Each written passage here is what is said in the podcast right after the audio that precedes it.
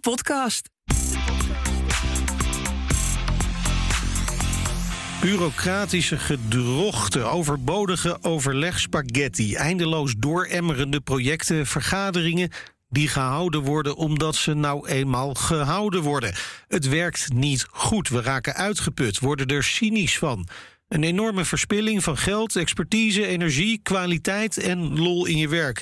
En toch gaan we er vaak heel lang mee door. Kan het ook eens minder worden in plaats van alleen maar meer? Hoe stoppen we? Nou, daarover gaat deze podcast. Ik ben Meijnerd Schut en maak Stop de podcast samen met Marije van den Berg, schrijver van Stop Stopstrategie voor organisaties. En voor deze aflevering gingen we naar Leiden, naar Museum De Lakenhal. En met onze gesprekspartner Meta Knol ging ik eerst even kijken, natuurlijk in het museum.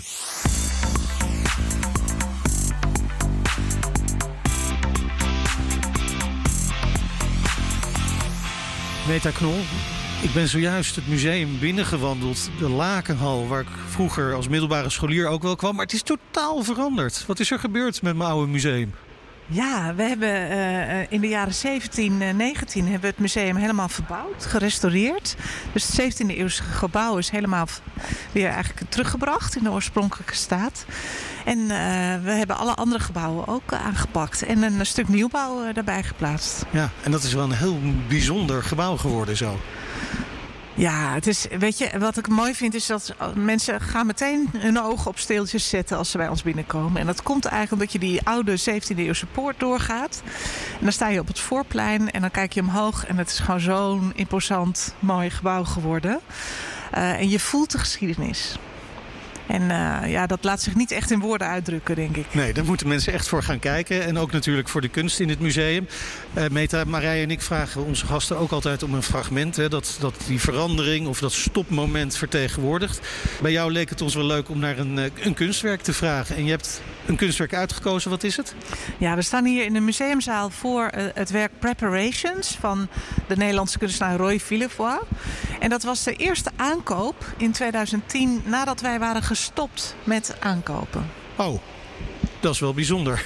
Waarom werd dit dan toch aangekocht? Ja, we, we hadden, uh, nou dat zullen je straks meer over horen. Maar we waren gestopt met aankopen omdat we eerst moesten bedenken wat de collectie precies behelsde. En wat zinvol was om daar wel of niet aan toe te voegen. En dit beeld hebben we eigenlijk als een soort van, wat ze in het Engels zo mooi conversation piece uh, noemen, aangekocht in 2010. En het is een beeld van een, van een donkere man, een kleine donkere man, afkomstig uit Papua. Uh, met in zijn handen een zes meter lang ruw houten kruis. En dat staat hier in de zaal vol met middeleeuwse altaarstukken. Ja, dat is heel bijzonder. Ja, ja. Het is echt heel apart om dat hier zo te zien. Ja, mensen, het is. Um, kijk, het is een werk van een hedendaagse kunstenaar, wat eigenlijk een soort van scharnierfunctie heeft, zoals wij dat dan noemen. Omdat het aan die 16e eeuwse drieluiken die hier hangen. En die allemaal gaan over bijbelse verhalen. Die allemaal bijbelse verhalen vertellen. Ja. En natuurlijk ook vanuit een nadrukkelijk christelijk perspectief uh, dat vertellen. Uh, en wij voegen daar dat werk aan toe van deze hedendaagse kunstenaar. Uh, die, die een man verbeeldt die ook beïnvloed is door het christendom. Maar dan door de missie en de zending. Uh, die in de 19e eeuw, begin van de 20e eeuw plaatsvonden op Papua. Papua uh, Indonesië is de grootste kolonie van uh, Nederland geweest. En Papua is het laatst gekoloniseerd. Ja. En daar is ook het christendom door de missie het meest verspreid. De rest van Indonesië is nog steeds het grootste islamitische land in de hele wereld. dus er zitten heel veel verhalen in dit beeld besloten. En heel mooi hoe dat samenkomt in één, één ruimte. we, we gaan nu even op zoek naar een andere ruimte waar we de bezoekers van de Lakenhal niet uh, lastigvallen met dit verhaal. Die kunnen straks ook allemaal luisteren naar de podcast natuurlijk.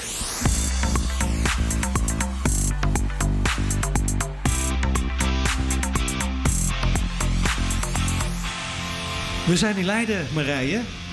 Ja. Museum de Lakenhal. Ja, ja, ja, ja. Thuis, uh, thuisbasis Leiden. Heel fijn. Ik ja, kom op de fiets. Ja, jij bent op de fiets. Ik moest wel met de auto komen. Maar als middelbare scholier liep ik hier nog wel eens rond in de Lakenhal. Dat is wel lang geleden, Marije. Ja, en ook echt heel erg veranderd. En mooi geworden hier. Nou, inderdaad. Uh, het thema waar we vandaag in gaan duiken, wat is dat? We, we, duiken in het herkennen van stoptekens. Waar merk je nou dat het tijd is om ergens mee te stoppen? En wat is er voor nodig om die tekens ook te zien en er iets mee te doen. Want vaak weten mensen binnen organisaties best dat ze ergens mee kunnen stoppen, maar toch doen we het niet. En dat komt omdat we de signalen vaak negeren. Die signalen, welke signalen zijn dat? Nou, ik heb voor mijn boek een oproepje gedaan en ik werd echt overstelpt door allerlei voorbeelden van stoptekens. En ik heb ze een beetje gecategoriseerd. Uh, de eerste is dat het stil blijft.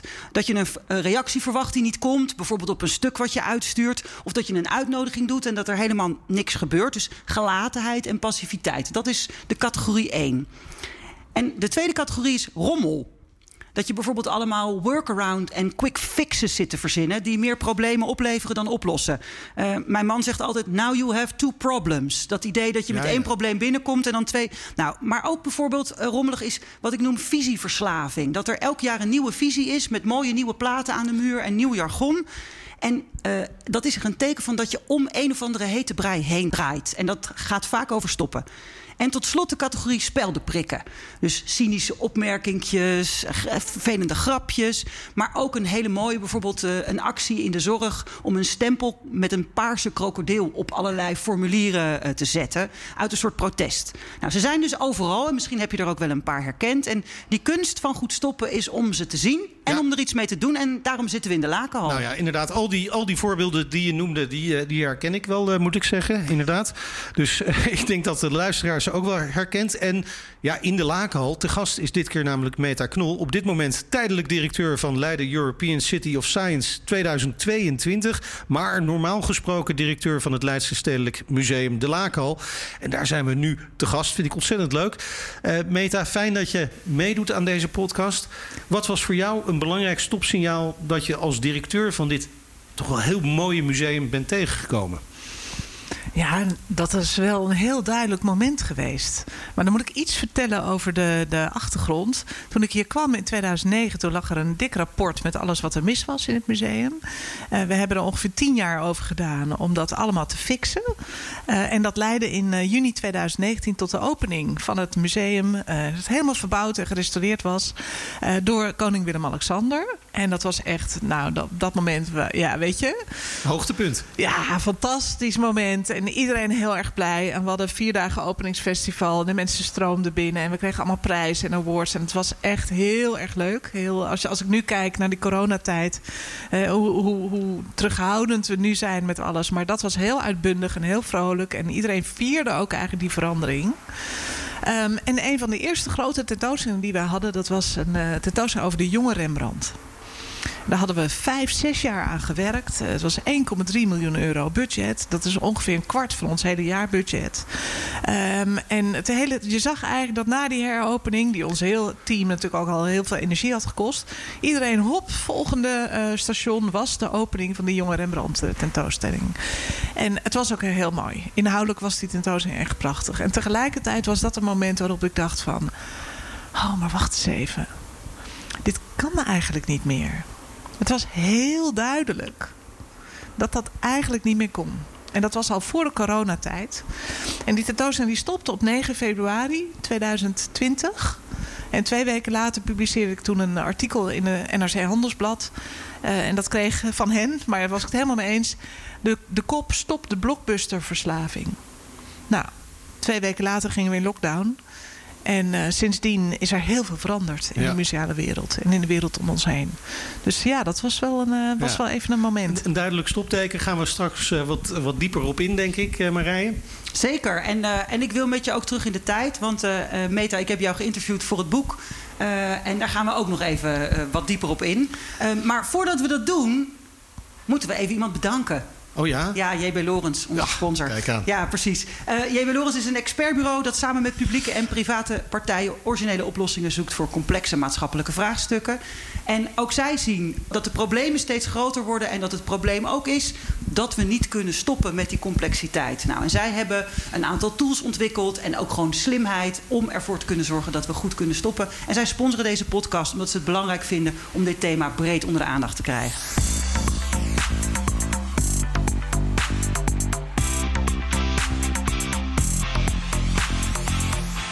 Meta, nogmaals fijn dat je meewerkt aan deze podcastserie... waarin we op zoek gaan naar het antwoord op de vraag hoe je nou goed stopt. Ben je zelf een beetje goede stopper? Ja, dat is een strikvraag natuurlijk. Nou, uh, ik denk het wel. Omdat het klinkt misschien gek, maar ik zie mezelf ook wel als een soort zoeker. Ik uh, hou er niet van om stil te staan. Um, dus ik ben altijd wel aan het kijken naar wat er verandert. Ik hou van verandering. Uh, en als je van veranderingen houdt, dan is stoppen misschien iets minder moeilijk dan als je niet van veranderingen houdt. Ja, stoppen is natuurlijk het ultieme veranderen. Ja, ja, ja, ja absoluut. Dus op zich, als je stopt. Jij, heb, heb jij dan last van wat ze zo mooi noemen horror vacui, de angst voor de leegte als je ergens mee stopt? Moet er wel weer meteen wat nieuws komen? Uh, nee, want ik ben ook wel iemand die het leuk vindt om verandering waar te nemen. Uh, dus ik zie, mezelf, ik, ik, heb, ik zie mezelf steeds een rol wisselen uh, tussen die van deelnemer en die van beschouwer. Oh ja, ja. En dat uh, beschouwen, dat helpt mij enorm om even weer het grotere plaatje te zien. En uh, even na te denken. En dan weer een volgende beslissing te nemen of uh, volgende stap te zetten en te zien wat er gebeurt. Want voor een deel moet je het ook gewoon zien wat er gebeurt. Nou, ja. associeer ik verandering ook wel vooral met het beginnen van iets nieuws. Maar daarvoor moet je wel ergens mee stoppen eerst. Nou ja, wat ik, als ik naar verandering kijk, dan zie ik eigenlijk drie dingen. Ik zie de nieuwe dingen.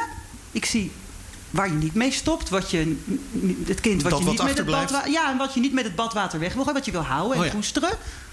En wat je, waar je mee stopt. En dat bij elkaar is verandering. En vaak dat stuk stoppen, dat slaan we over. En dan hebben we het alleen maar over nieuw en ook nog een beetje over koesteren. Maar al die dingen waar we dan mee moeten stoppen, dat doen we ongemerkt. Ja, maar ik denk als je dat zo doet, want dat herken ik natuurlijk. Dat gebeurt heel vaak dat je een soort geleidelijke veranderingen hebt. En uiteindelijk gooi je het kind met het badwater niet weg. En eh, hè, eh, verandert er niet wezenlijk iets. Dus een systeemverandering krijg je dan niet. Nee. En als je wil dat er echt een systemische verandering is, ja, dan moet je niet alleen stoppen. ehm, ehm, niet, niet alleen kijken naar wat je wil, naar dit toekomstbeeld. Maar dan moet je inderdaad ook kijken hoe je werkt met elkaar. En wat je daaraan, welke impulsen, welke beslissingen, welke aannames eh, daarin zitten waar je echt mee moet stoppen. Ik vind zelf dat onze Rijksbouwmeester, Floris Alkema, er daar heel mooi over kan spreken. Eh, en hij eh, hecht ook heel veel waarde aan kunst en aan wetenschap. Dat zijn dingen die mij natuurlijk ook heel erg na aan het hart liggen. En kunst, hij zegt ook, je moet, om, om een verandering vorm te geven, moet je voor je kunnen zien wat het moet worden. En daar zijn kunstenaars na- natuurlijk heel erg goed in. En dat vind ik in mijn vak wel heel geweldig. Om zoveel met kunstenaars te kunnen werken. Zoals nu bijvoorbeeld met Claudie Jongstra in de Lakenhal. Die bij ons een solo tentoonstelling krijgt. Maar die bezig is om een heel ander soort wereld vorm te geven. Veel meer vanuit balans en harmonie en ecologie. En met gebruik van natuurlijke materialen. Heel, zij laat ons eigenlijk zien wat mogelijk is. Prachtig. Nou ja, we gaan eh, verderop in deze serie ook praten met Dirk Loorbach. Hij is eh, transitiewetenschapper. En hij heeft dan ook de, wat ze noemen de X-curve. Dus dat wat eh, uit experimenten en kleine ontwikkelingen langzaam nou ja, eh, het nieuwe systeem zou moeten worden. Eh, dat is zeg maar de lijn van de X van linksonder naar rechtsboven. En de lijn van linksboven naar rechtsonder gaat over wat we daarvoor dan moeten afbreken. Nou, daar ga ik met hem ook eh, eh, naar kijken. Dus dat is een mooi bruggetje. Maar ik ga nu het bruggetje terugmaken naar 2009. Toen, eh, toen was ik zelf politiek actief hier in de stad. Dus dan zie je zo is er... Nou, een museumdirecteurwissel is dan wel op het netvlies. Een dingetje. Een dingetje. En eh, eh, waar ik destijds al door gefascineerd was, maar jou nooit verteld had, was eh, dat jij eh, toen je begon bij dit museum stopte met alles. Tenminste, zo kwam het op de buitenwereld over. Eh, je stopte met alle tentoonstellingen. Je zette de verbouwing stil. Je stopte zelfs met überhaupt een collectie in het museum neerzetten. Nou, en, dat, en ik dacht destijds al eh, van, ja, maar hoe heb je dat nou gedaan? Want ik zag ook wel dat het iets opleverde, daar kunnen we het ook over hebben. Maar ik was vooral nieuwsgierig naar ja, al die mensen in dat museum die ineens hun mooie tentoonstellingen niet meer mochten doen. Want dat was mijn beeld. Die zijn natuurlijk allemaal hun motivatie verloren. Nou, daar wilde ik over met jou praten. En toen zei jij van nee, maar dat was helemaal niet aan de orde. Maar wat was er dan wel aan de orde, Meta? Nou, je zet het wel heel dramatisch neer. Ja, ja, ja, ja, inderdaad. Eh, nou, wat er gebeurde, ik kwam hier in eh, september 2009 als directeur. En toen lag er een dik rapport op tafel, meer dan 100 pagina's. En dan was iemand die had daar echt eh, heel veel tijd in gestopt, aandacht en energie, om een soort röntgenopname te maken van dat museum. Op het gebied van de gebouwen, ehm, op het gebied van de organisatie, de financiën, het personeel. En dat was echt, het was echt een, een, een, nou, een heel treurig beeld. Geen last van de wet van de remmende voorsprong, zeg Bepaald niet. Nee, eigenlijk was dat museum al jaren in een soort houtgreep van, in afwachting van plannen. Um, de gemeente, het was voor het laatst in 1921 uitgebreid. En vanaf de jaren 50 werd er al gesproken over de noodzaak van uitbreiding. En al die jaren, decennia lang, was al het grote onderhoud uitgesteld, et cetera. Dus dat stonden letterlijk, de emmers stonden hier uh, voor in de, in de entree als het regende. Een halve eeuw aarzeling. Een halve eeuw aarzeling. Wel een halve eeuw waarin Leiden uh, economisch uh, het heel moeilijk had. Dus zo gek is dat niet. Leiden gaat nu als een speer economisch. Dus dat we nu dat museum hebben kunnen verbouwen, past ook eigenlijk wel in de tijd. maar je ziet dan dat zo'n organisatie daar echt onder gaat lijden. Dus ook andere dingen. Men was, als je decennia lang in afwachting bent van verandering. Ik bedoel, wat doet dat met je? Er waren mensen die waren hier begonnen in de jaren zeventig. En die hadden nooit een andere functiebeschrijving gekregen. Die hadden geen idee welke plek ze in het organogram, wat er überhaupt ook niet was, innamen. Um, en, en, die waren natuurlijk heel cynisch geworden. Ja. Dat gaat nooit meer gebeuren. Maar, maar, was je dan ook aangetrokken om orde op zaken te stellen? Of, of bedacht je dat pas toen je hier binnen was? Nou, dat rapport lag er. Dus ze ja. wisten dat er iets moest gebeuren. En er stond ook in, want en dat, dat was natuurlijk, werd ook aan de gemeenteraad uh, voorgelegd. Van ja, er stond in dat het museum op deze manier geen toekomst had. Uh, dus er moest echt wel iets gebeuren. Nou was ik daarvoor conservator moderne en hedendaagse kunst in het Centraal Museum in Utrecht. Dus hoe am I, weet je? Ik ben niet bepaald een, uh, een draaideurveranderaar. Iemand die ergens binnenkomt, even snel orde op zaken zet en weer verder gaat. Uh, maar wat ik heb gedaan is nadat ik dat, dat rapport had gelezen, ben ik gewoon gaan praten met mensen in het museum. En ik heb ze gevraagd wat ze belangrijk vonden, waar ze zich zorgen over maakten. En er kwam eigenlijk een heel duidelijk beeld uit. Dus behalve dat cynisme van het gaat echt nooit meer gebeuren, was er ook heel veel zorg bijvoorbeeld over de collectie van het museum. Want die was helemaal niet goed in kaart gebracht. Um, en ik zei tegen ze, welke tentoonstellingen ben je aan het maken? En, en wat, wat, welke moeten daarvan echt doorgaan? Nou ja, dat was allemaal maar tijdelijk. En het was allemaal nog helemaal niet zo duidelijk. Hoe de, ze hadden eigenlijk geen toekomst meer. Dat, dat, dat ze hadden Terwijl er, te weinig er plannen. wel 15 miljoen uh, ja, te hijgen op een plank. Klopt, want de, de, de, voor het laatst waren de plannen in 2006 in de, in de gemeentelijke bureaula uh, verdwenen. Maar dat budget was op de plank gelegd. Dus toen ik directeur werd, zeiden ze tegen mij... Nou Meta, 15,3 miljoen euro ga maar beginnen met die verbouwing. En toen dacht ik, ja, maar dat kan niet. Want je kan niet, uh, uh, je kan de patiënt wel een nieuw bed geven, maar dan is hij nog steeds ziek. Dus er moet ook echt in de organisatie van alles gebeuren. En toen hebben we uiteindelijk, uh, ik heb een 100 dagen brief geschreven na, na 100 dagen. En in 2010 hebben we voor, toen alle lopende projecten gestopt. Alle tentoonstellingen gestopt. Um, en zijn we met het hele team in de publieke ruimte van het museum de collectie opnieuw gaan ordenen en inventariseren. En we bouwden daarvoor. Ik, ik, keek in die tijd met mijn kinderen heel vaak die film van Charlie Chaplin, Modern Times. Ja. Daar zit zo'n fantastische uh, lopende band in. En ik dacht, nou, we hebben gewoon een lopende band nodig in het museum. En dat hebben we gewoon gebouwd. We hebben, een, uh, we hebben van die modules gehuurd. Ik weet ook nog dat ik dacht, het is vast heel duur. Was helemaal niet zo, want in de bloembollenindustrie gebruiken ze dat ook gewoon. Dus we hebben onze hele um, tentoonstellingsruimte volgezet met een lopende band, met vier werkstations. En uiteindelijk hebben we gewoon de hele collectie, 24.000 voorwerpen opnieuw geïnventariseerd. En daarmee ook ons DNA eigenlijk opnieuw in kaart gebracht. En heel veel gesprekken losgemaakt in het museum over de wezenlijke vraag: waarom zijn wij er eigenlijk als museum? Wie zijn wij eigenlijk? Nou, dat was super waardevol. En dat was eigenlijk het begin van verandering. Van echte verandering, wezenlijke verandering. Het feit dat je die 15 miljoen nog steeds niet ging uitgeven. Ja. Wat voor gesprekken heb je daarover moeten voeren met bijvoorbeeld zo'n zo'n wethouder die nu toch wel eens ergens een lint wilde doorknippen? ja, toch ze gewoon meenemen in dat verhaal. Ik denk uh, wat, wij, wat wij niet hebben gedaan als museum is dat we ons hebben afgewend van de buitenwereld. Omdat we eerst onze interne problemen moeten oplossen. Je niet gaan navelstaren? Nee, we hebben meteen dat hele proces publiek gemaakt. Ja. Het publiek kon letterlijk zien wat er gebeurde. Het dus, feit dat, uh, je er, dat je er dus, je maakte er een kunstwerk van, uh, iets ritueels. Uh, ik kan me zomaar voorstellen dat dat enorm geholpen heeft ook in je gesprekken. Ja, dat was zo. Het was ook het werd binnen de museumwereld gezien als echt vernieuwend. Maar uh, het werkte ook heel goed gewoon voor mensen die hier uh, over de drempel kwamen en dat museum inkwamen. Want ja, die werden echt onderdeel van dat, van dat hele project. Ja, en we hebben ook. Ik kan me voorstellen dat je veel meer publiek misschien wel kreeg daardoor. Dat, dat de Leidenaar en misschien ook wel de mensen van buiten Leiden opeens weer interesse tonen in, in een museum dat misschien. Nou, vergis je niet. Want Nee? ehm, eh, het museumpubliek, en dat hebben we nu ook wel gezien met de coronacrisis, was ontzettend gericht op tentoonstellingen. Dus dat is echt het Pavlov-effect van de museale wereld. Je gaat naar een tentoonstelling. Terwijl bijvoorbeeld Lakal, we hebben echt, we hebben zo'n fantastisch gebouw, zo'n mooie collectie.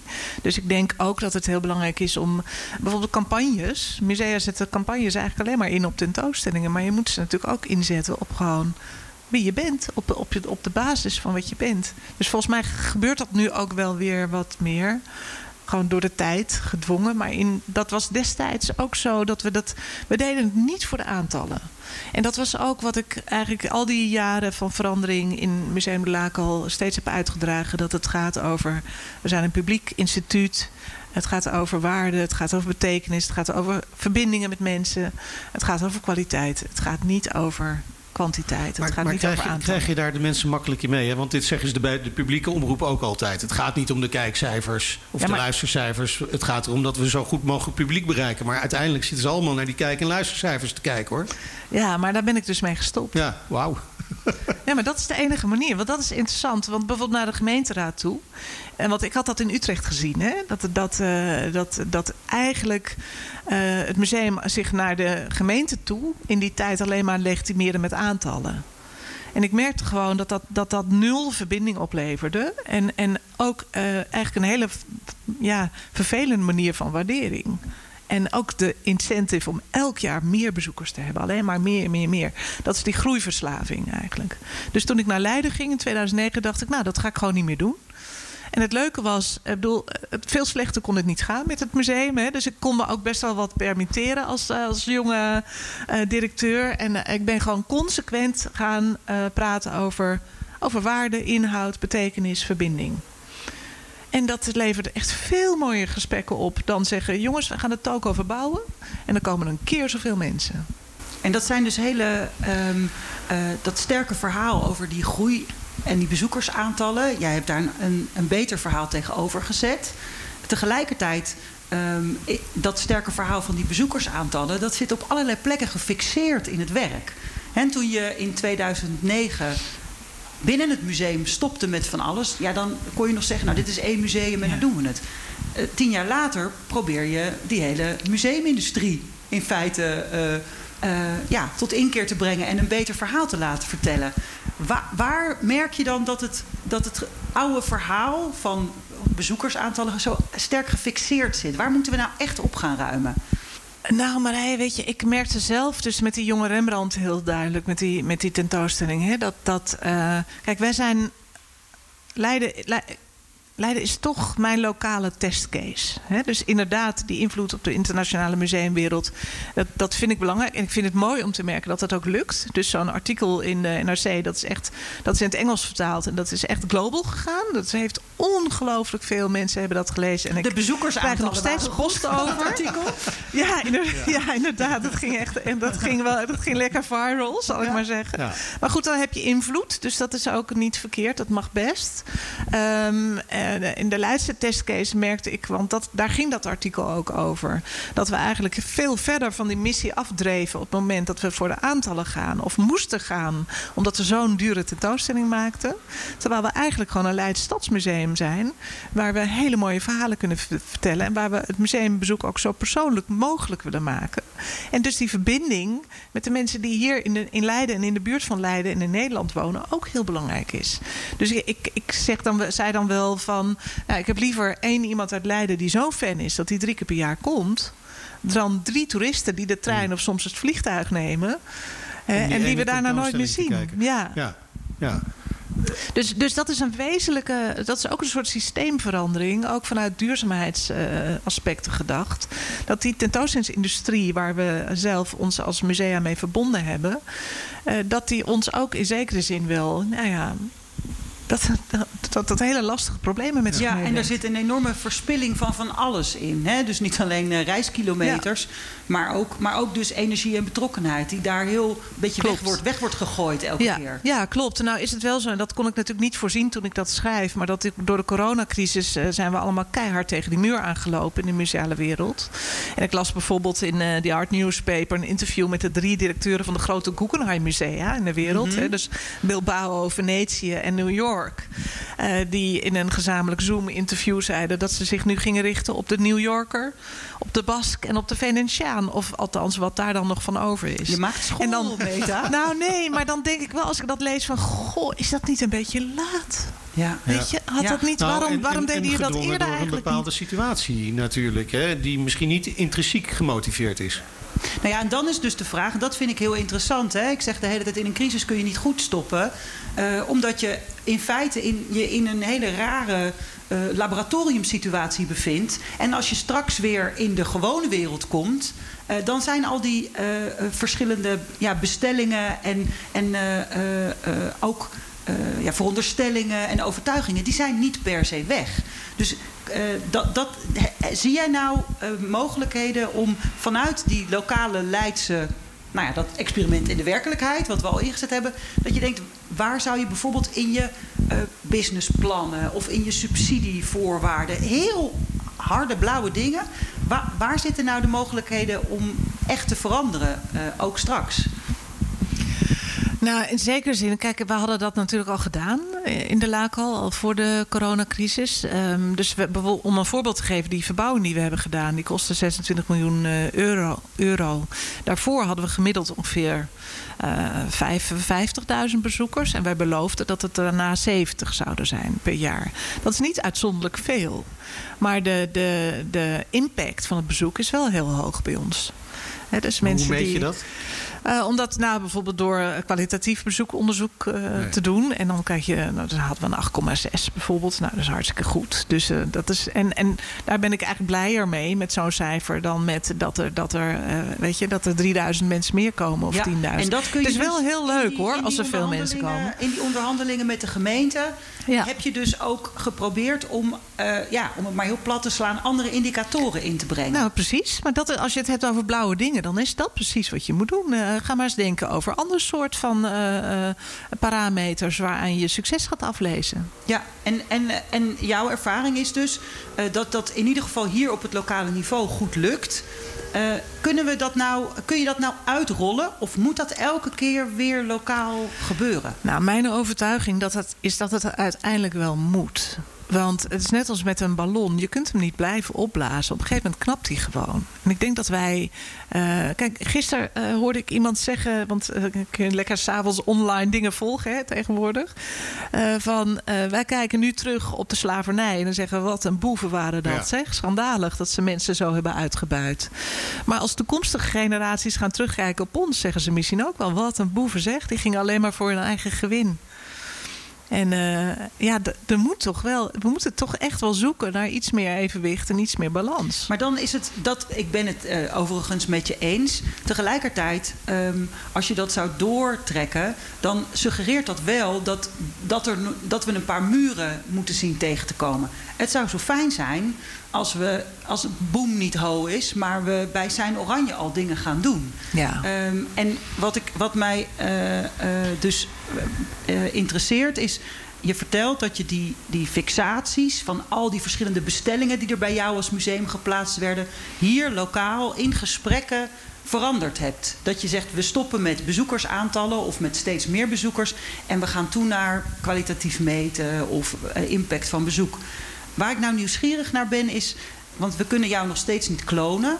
Is dit nou iets wat je ook uh, kunt afdwingen? Uh, in, in, ik noem maar wat, door te zeggen, je moet altijd dit of dat doen. Of is dat echt iets wat je moet doorleven? Ja, eerlijk gezegd, als je mij dat op de man afvraagt of een vrouw af, dan denk ik ja, dat moet, moet je echt wel doorleven. Dat moet je ook wel, daar moet je wel van overtuigd zijn dat het kan.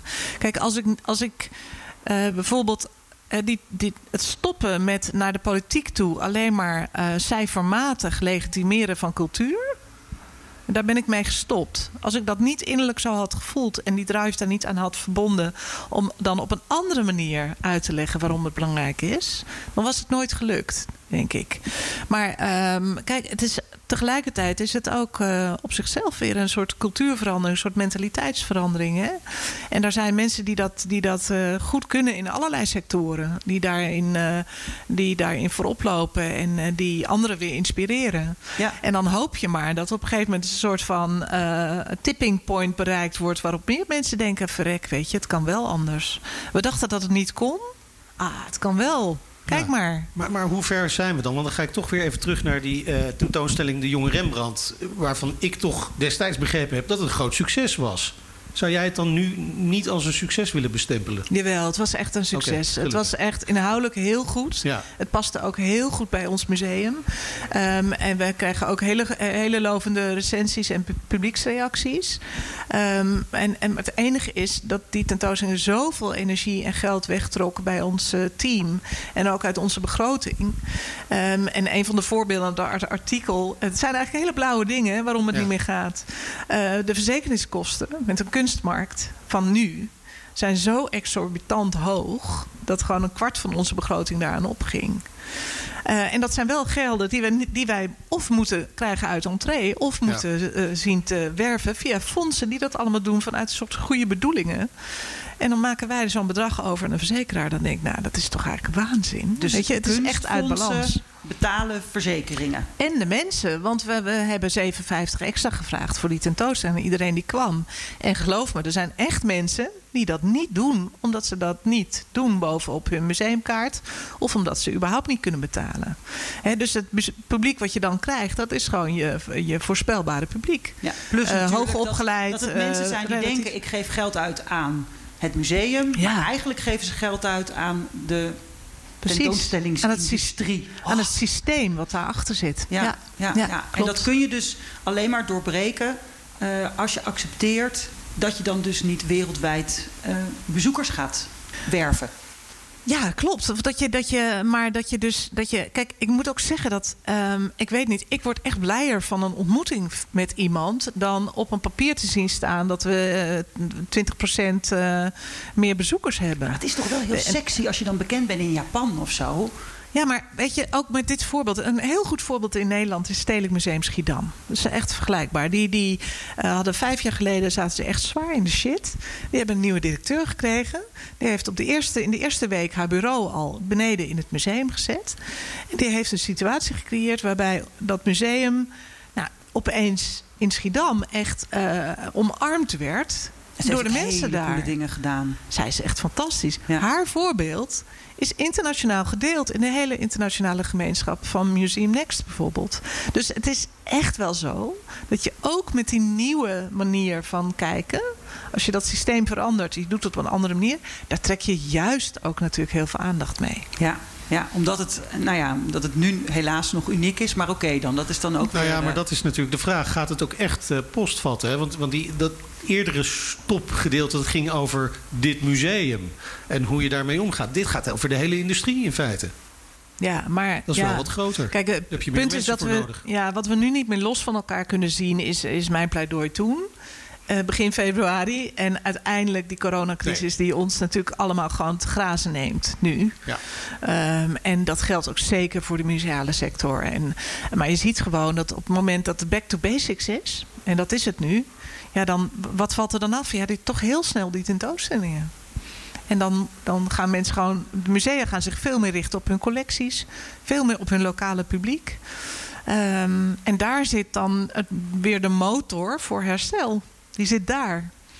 Ja, en uiteindelijk komen daar hopelijk weer mooie tentoonstellingen bij. Ja. Je vertelde mij dat uh, een van je inspirators is Wendell Berry, een dichter, schuine streep boer ja. uit, uh, uit Amerika.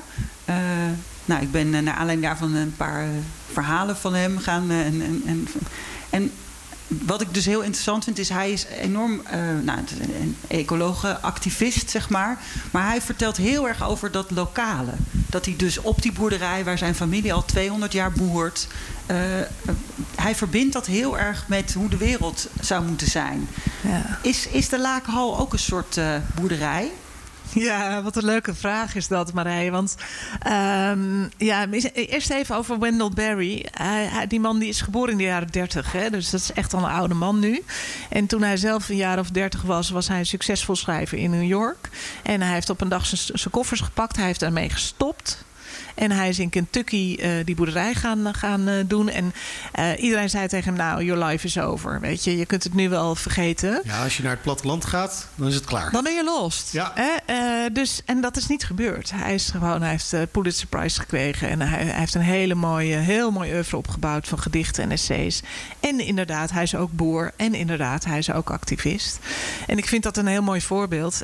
ja, de persoonlijke noot is dat wij zelf in 2015 een boerderij hebben gekocht hier onder de rook van uh, Leiden. En mijn partner, die uh, muzikant was, die dacht: Nou ja, als we dan toch een boerderij hebben, dan moet ik ook maar koeien gaan houden. En wij hebben nu uh, dat boerenbedrijf ontwikkeld. dat hebben mijn zoon en mijn man gedaan. Met uh, Lakenvelde Runderen. En ja, daar lopen er nu een stuk of 70 van bij ons in de polder. En we hebben 36 hectare agrarisch natuurbeheer. En dat komt wel omdat ik ook van Wendell Berry heb geleerd door zijn teksten te lezen en zijn essays. Hij zegt eigenlijk: als je iets wil veranderen, dan moet je eerst alles leren over de plek waar je bent. Je moet er gewoon alles over willen weten. Dus in het geval van het Lakel en van Leiden, je moet alles over dat museum in die stad willen weten. En vervolgens ga je daar kleine veranderingen in aanbrengen.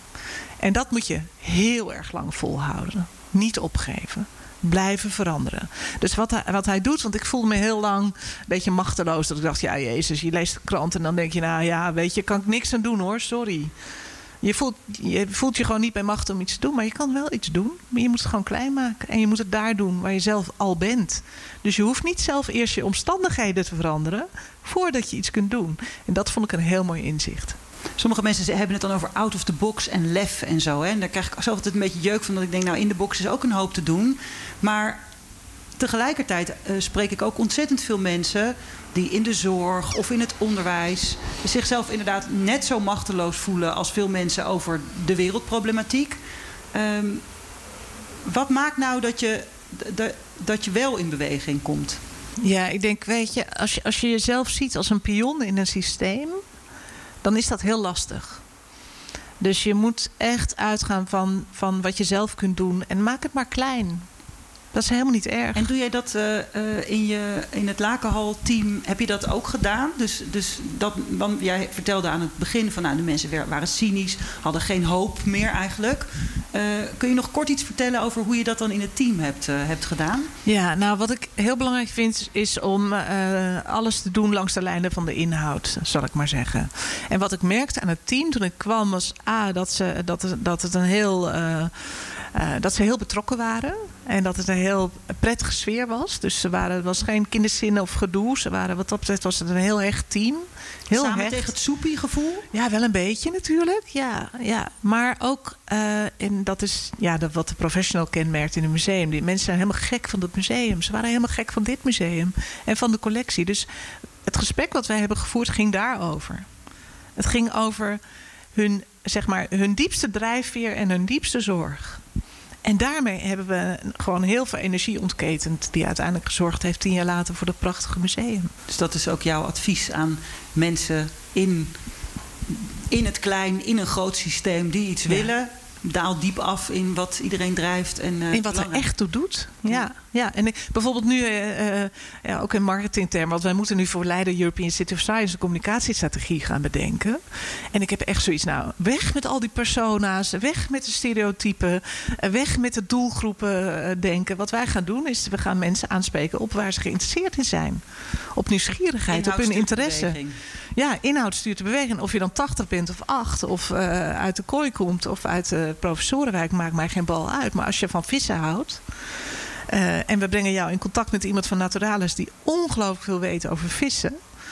En we vragen Jochem Meijer, want we hebben toevallig een hele beroemde cabaretier in Leiden... die ook heel erg van vissen houdt om daar iets mee te... Dus weet je, op die manier. Mensen ja. aanspreken op hun interesse.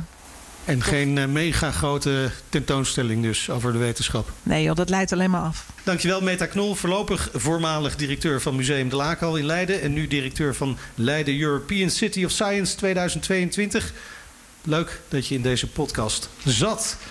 Ja, en als je dus ergens mee wil stoppen... het hoeft niet zo groot te zijn als tentoonstellingen...